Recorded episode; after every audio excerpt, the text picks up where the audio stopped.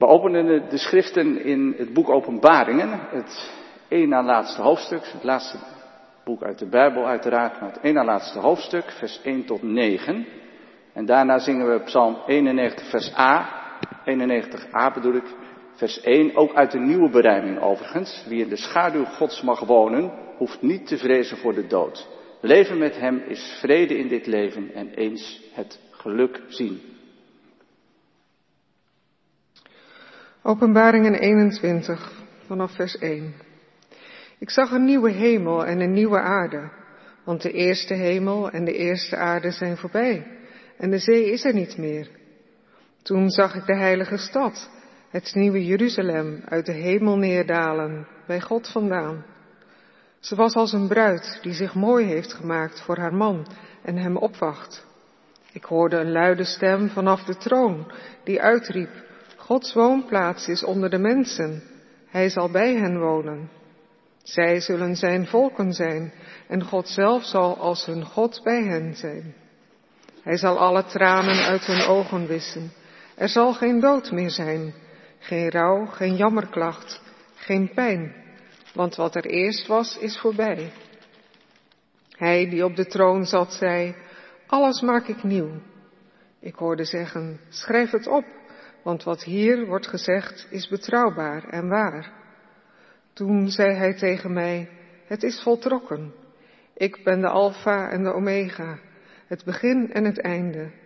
Wie dorst heeft, geef ik vrij te drinken uit de bron met water dat leven geeft. Wie overwint, komen al deze dingen toe. Ik zal zijn God zijn en hij zal mijn kind zijn. Maar voor hen die laf en trouweloos zijn geweest, die zich hebben ingelaten met gruwelijke dingen, met moord, ontucht, toverij of afgodendienst, voor allen die de leugen hebben gediend, hun deel is de vuurpoel met brandende zwavel, dat is de tweede dood. Dit is het woord van God. Gemeente van Jezus Christus, ik eh, had nog een verzoek uitstaan hier eh, in ehm, Rotterdam om een cursus te geven over openbaringen. Daar is niet van gekomen tijdens het vicariaat. En ter geruststelling, het wordt vanmiddag geen cursus, maar wel een korte preek over het openbaringenboek. En ik wil vanmiddag met jullie nadenken over openbaringen 21, vers 1. En dan met name dat laatste gedeelte. En de zee was niet meer. En ik lees nog een keer het hele vers. En ik zag een nieuwe hemel en een nieuwe aarde. Want de eerste hemel en de eerste aarde zijn voorbij en de zee is er niet meer. Nou, best een vreemde tekst vindt u misschien voor iemand uit Zeeland die heel erg van de zee houdt.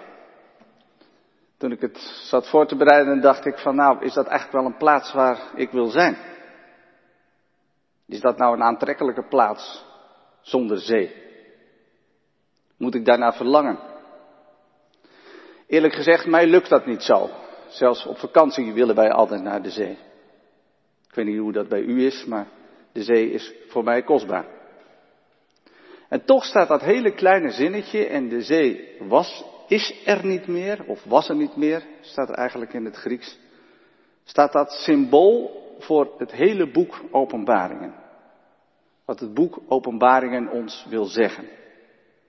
En daarom deze kerntekst met het thema echt helemaal nieuw. En ik wil beginnen met wat achtergrondinformatie, want u valt er per slot van rekening ook zomaar in. In een toch wel moeilijk Bijbelboek. En dan nog met een tekst helemaal aan het einde van het Bijbelboek. En daarna wil ik wat inzoomen op dat 21ste hoofdstuk. En dan in het bijzonder dat eerste vers. En ik wil tenslotte afsluiten met wat opmerkingen over het nieuwe in ons leven van elke dag. Eerst dus wat achtergrondinformatie. Kijk, dat boek Openbaringen, dat berust op visioenen die de schrijver Johannes kreeg op dat eiland Patmos. Dat is het eerste hoofdstuk van Openbaring.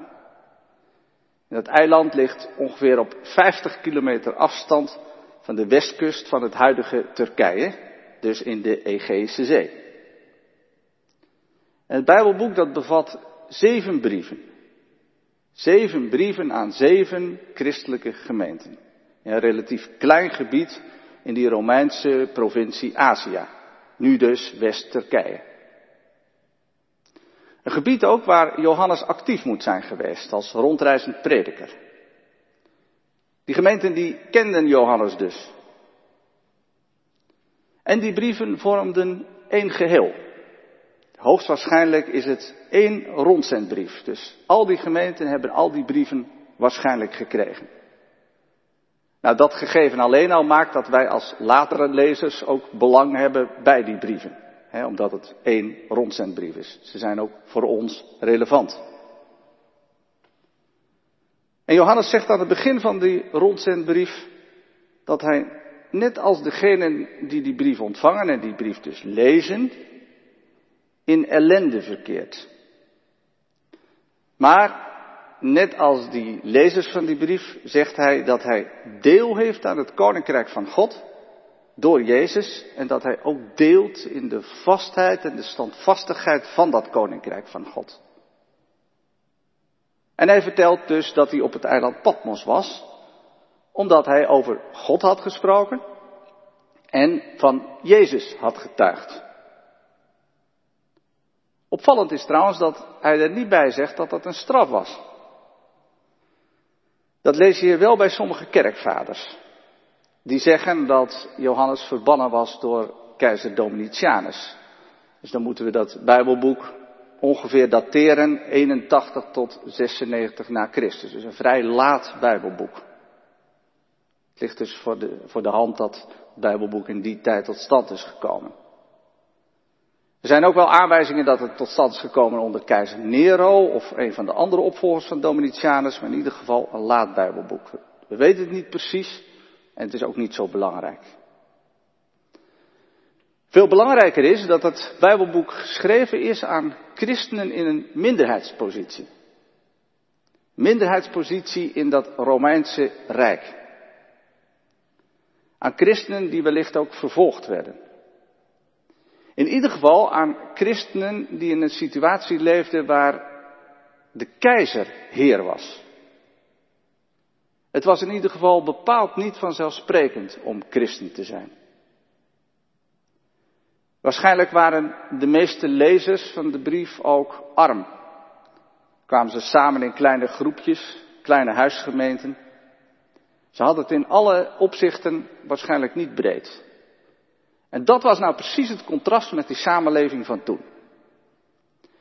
Want die christenen leefden in een omgeving waar het ging om loyaal te zijn aan de keizer.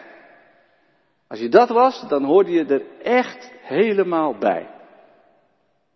En dat deed je dan door te investeren in luxe gebouwen, prachtige tempels ter ere van die keizer, die Heer werd genoemd. En te midden daarvan leefden dus die arme, gemarginaliseerde groepjes mensen die geloofden dat niet de keizer, maar dat Jezus Heer was. Nou, die eerste christenen hadden dus wel een probleem. Want die keizer, die was overal zichtbaar, overal aanwezig met afbeeldingen, gebouwen ter ere van hem. En daartussen hielden dus deze kleine groepjes vast aan Jezus, die Jezus van Nazareth, die zo tragisch was gestorven onder die Heer van de wereld, aan een verachtelijk kruis. Die beleidenis dat Jezus Heer was, die was dus volstrekt belachelijk. En dat blijkt ook uit archeologische vondsten uit die tijd. Een vondst aan, een wat oudere vondst staan aan het begin van de van, van de eeuw hiervoor.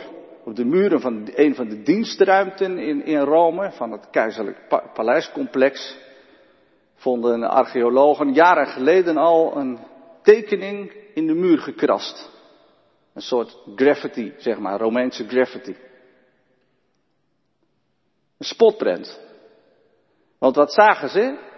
Ze zagen daar een kruis met daarop een man met een ezelskop.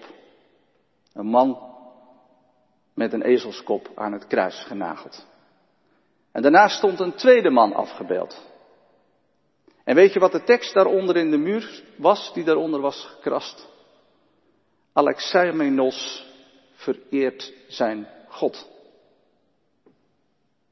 Mikpunt van spot was je dus, als je die gekruisigde Jezus van Nazareth Heer noemde in plaats van die keizer. Dat dienen van Jezus leverde eigenlijk niets op. Moesten ze het dan nog volhouden? Konden ze het toch volhouden, die eerste christenen?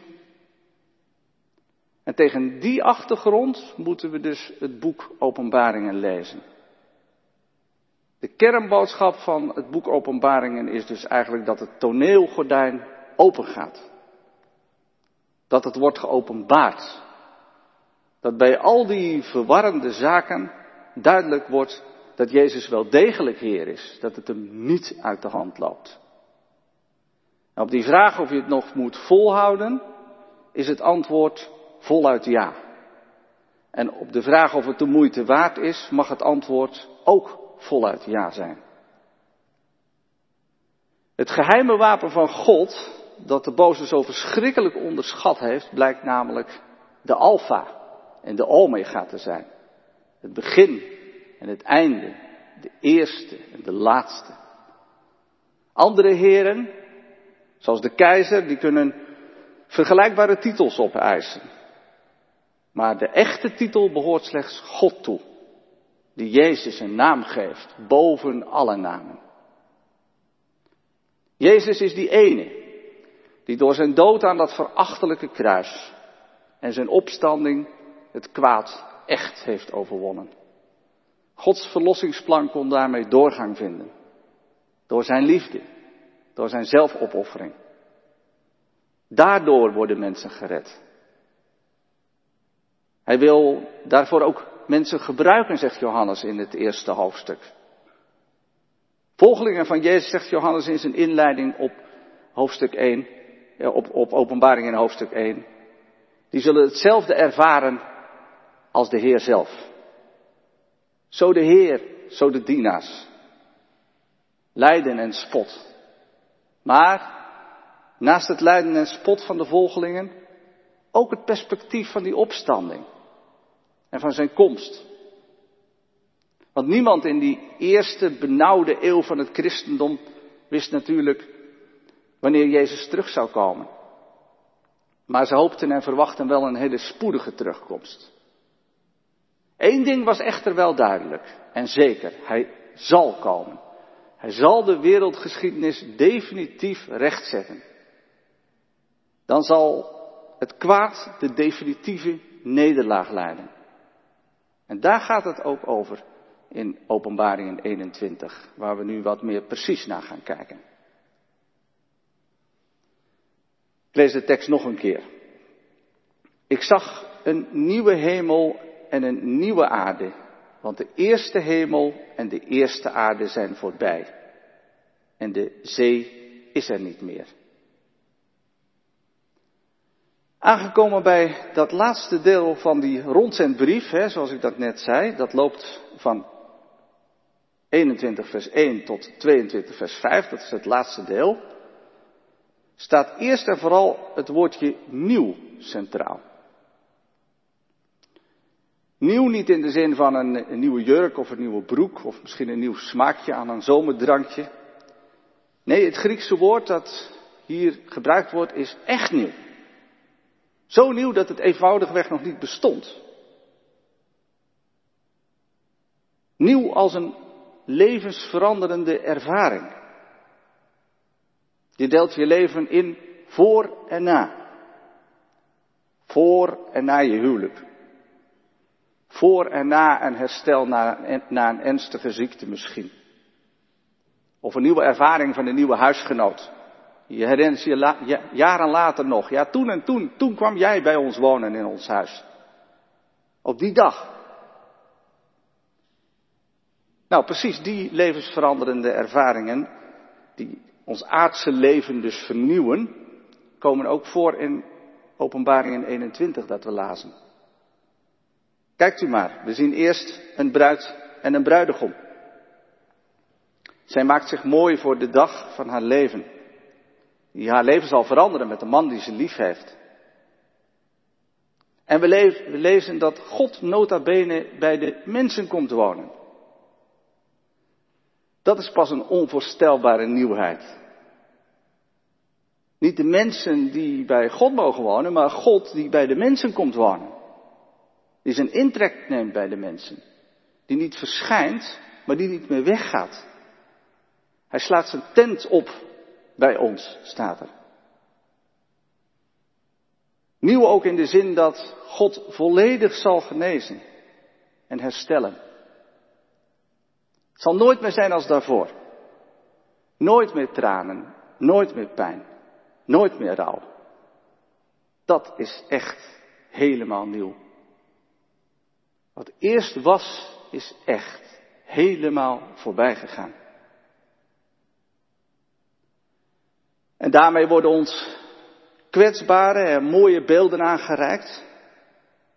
Maar om te voorkomen dat we daarin blijven hangen en onze visie vormen op dingen die we al kennen, die ook ons leven vernieuwen, zegt Johannes nog meer. Het is nog veel meer nieuw. De nieuwe hemel en nieuwe aarde zullen nieuw zijn op een nieuwe manier. De nieuwheid zelf zal nieuw zijn. Ongekend nieuw zal het zijn. Niet slechts een verandering zoals we dat in ons leven kennen, maar nog meer nieuw. Hij die op de troon zit, gaat daarvoor voor de tweede keer spreken. Alles maak ik nieuw. Alles. Werkelijk alles maak ik nieuw. Op een nieuwe manier. Vandaar het bevel dat volgt. Schrijf het op, Johannes. Schrijf het op, want het is betrouwbaar en waarachtig. Het is echt waar. Het is de betrouwbaarheid zelf. Alles ongekend nieuw. Kijk, wij hebben hier te maken met de nieuwe hemel en de nieuwe aarde.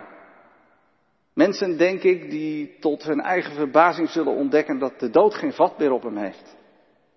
Dat er gewoon geen pijn meer is.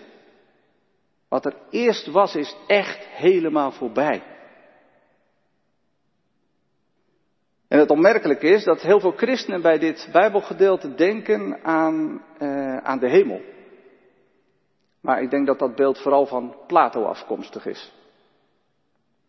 Nee, het gaat hier niet over een mindere waardige wereld ten opzichte van een hoge hemel. Nee, het is nog veel wonderlijker.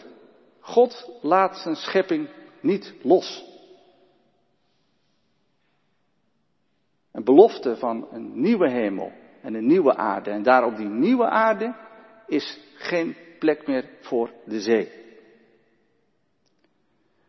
De zee die we in de zomer als vriendelijk en gezellig ontmoeten, maar die in de winter ook en in de herfst kwaad en wreed kan zijn, die staat in de oudheid symbool voor de chaos.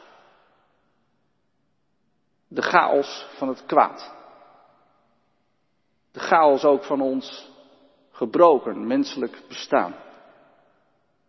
Daarvoor is geen plaats meer. Die zal er niet meer zijn. De plaats van het kwaad waaruit in de loop van het boek Openbaringen allerlei monsters en enge dieren opduiken, die heeft God overwonnen. Het kwaad heeft zichzelf overschat. God heeft zelf daartegen de strijd aangebonden. Een strijd met alles wat in hem is. Vader, Zoon en Heilige Geest zijn daarbij volledig betrokken. Het is Gods strijd. En daarom is die eindoverwinning ook zo zeker. Zie, ik maak alle dingen nieuw. Kijk, die strijd van God, dat is de garantie voor de eindoverwinning. Niet ons, onze strijd en ons gepruts in dit leven. Daar getuigt eigenlijk de hele Bijbel van. Vanaf het allereerste begin al, Genesis 1.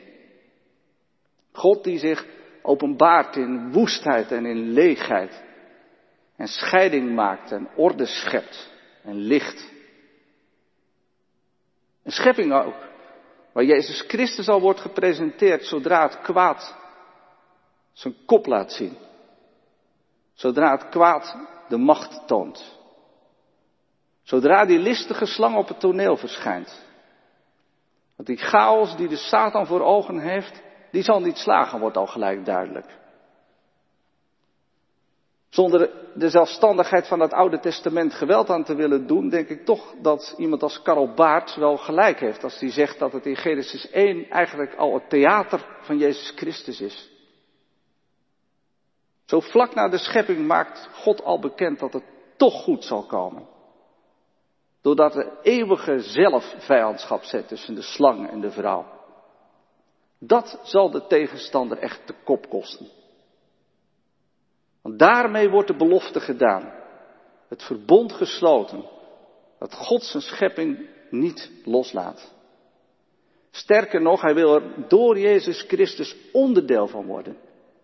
Onderdeel van worden om het werkelijk te kunnen vernieuwen. Helemaal nieuw te maken. Op een ongekende manier. En zo te redden uit de klauwen van het kwaad. Uit de chaos van de zee. en de zee is er niet meer. Zo zonder die bedreigende chaos van de zee kan God bij de mensen wonen. Dat woord wonen is een ander kernwoord in dit gedeelte. Een woord overigens dat aan het begin van het evangelie van Johannes ook al zo'n grote plaats krijgt. Het woord dat vlees geworden is en onder ons heeft gewoond. Het woord, Jezus Christus, heeft onder ons een tent opgeslagen, staat ook hier. Net als in Openbaringen 21. Daar draait het dus om. Als gevolg van dat vlees worden van het woord, dat onder ons zijn tent heeft opgeslagen, zal God altijd bij de mensen kunnen wonen. En God God krijgt daarmee de kroon op zijn schepping terug. De bruid van het lam. En dat staat dan ook in dat laatste vers. Daar, waar het dan naar, naar dat aangrijpende achtste vers over de vuurpoel gaat over het nieuwe Jeruzalem. Een van de zeven engelen met de offerschalen die gevuld waren met de laatste zeven plagen kwam op me af en zei, ik wil je de bruid laten zien, de vrouw van het lam. En daar is de vrouw van het lam, de bruid van het lam, dus volmaakt gelukkig mee. God die tussen de mensen komt wonen en zijn tent opslaat. En daarmee dus permanent aanwezig kan zijn. Helend, troostrijk en vreugdevol. Hemel en aarde worden dan door Jezus met elkaar verbonden. Kijk, en dan zit daar geen scheiding meer tussen. Die scheiding is dan ook niet meer nodig. Daarom is dit gedeelte ook geen visioen van mensen die naar de hemel gaan, maar van het nieuwe Jeruzalem. Exact hetzelfde wat Iemand als Paulus ook zegt in Efeze 1, vers 10. Alles wat in de hemel en op de aarde is, zal in de volheid van de tijd bijeengebracht worden. Dan ons laatste punt. Nieuw en ons aardse leven. En de zee is er niet meer. God heeft zich geopenbaard als de grote overwinnaar van de chaos. De bedreigende chaos van de zee zal er straks niet meer zijn. In Christus is de eindoverwinning behaald. En dat is niet alleen een perspectief voor straks, maar ook een boodschap voor nu. We mogen namelijk leven in dat perspectief zou zeggen, juist ook als je tot de conclusie komt dat je leven een chaos is. Dat is ontspoord. Persoonlijk misschien. Misschien wel in relaties met anderen. Breng dat bij Hem, zou ik willen zeggen. Hij maakt alle dingen nieuw. Die woorden zijn betrouwbaar en waarachtig. Schuil bij Hem. Jezus is Heer, ook in uw en jouw leven. Zie, Hij maakt alle dingen nieuw. Echt helemaal nieuw. Maar misschien zegt u, ja, nou ja, eh, bij mij gaat het eigenlijk best aardig. Hoezo, uh, hoezo chaos? Weinig te klagen eigenlijk. Maar ook dan zal hij alle dingen nieuw maken. Ook dan is het waarachtig en betrouwbaar dat het echte, het nieuwe van zijn koninkrijk zal komen. En ik denk dat dat perspectief misschien nog wel het meest schuurt. Eerlijk gezegd herken ik dat ook wel een beetje. En met name dan is het, denk ik, belangrijk om ons te richten op dat nieuwe. Om ons op te richten in de meest letterlijke zin van het woord. Zoals dat in dat oude avondmaalsformulier stond. Onze zielen opwaarts heffen tot Hem die in de hemel is. Geloven is een werkwoord. Het komt ons niet aanwaaien. Probeer dan uit te vinden hoe je je op God kunt richten. Maak er in ieder geval plaats voor. En zoek uit hoe het bij jou of u werkt. Want dat is echt belangrijk. Die stille omgang met God zoeken is namelijk je aardse leven in de hemel brengen. Zoals Jezus dat ons ook heeft voorgeleefd toen hij telkens alleen op de berg ging om te bidden. En die stille omgang met God, die is echt van levensbelang. We hebben namelijk niets te zoeken bij een onbekende God die bij ons komt wonen. Ik zou bijna plat willen zeggen, dat gaat echt niet werken. En dat blijkt ook wel uit dat aangrijpende achtste vers. Het gaat er immers om, zoals ik uit dat negende vers voorlas, het gaat erom dat de bruid van het lam aan het lam wordt teruggegeven. De bruid van Christus, die daalt neer. Dus dat betekent dat het verborgen leven wat wij met God hebben, dat we nu in het aardse leven met God hebben, dat verborgen leven, dat zal worden geopenbaard. In heerlijkheid. Die verborgen werkelijkheid, dat leven met God, dat zal worden geopenbaard als de bruid die voor haar man versierd is. En daarom kunnen we met dat leven met God, dat verborgen leven met God, het leven aan. En straks ook deel hebben aan die nieuwe hemel en die echt nieuwe aarde. Daar waar de chaos voorbij zal zijn en het kwaad definitief overwonnen. Amen.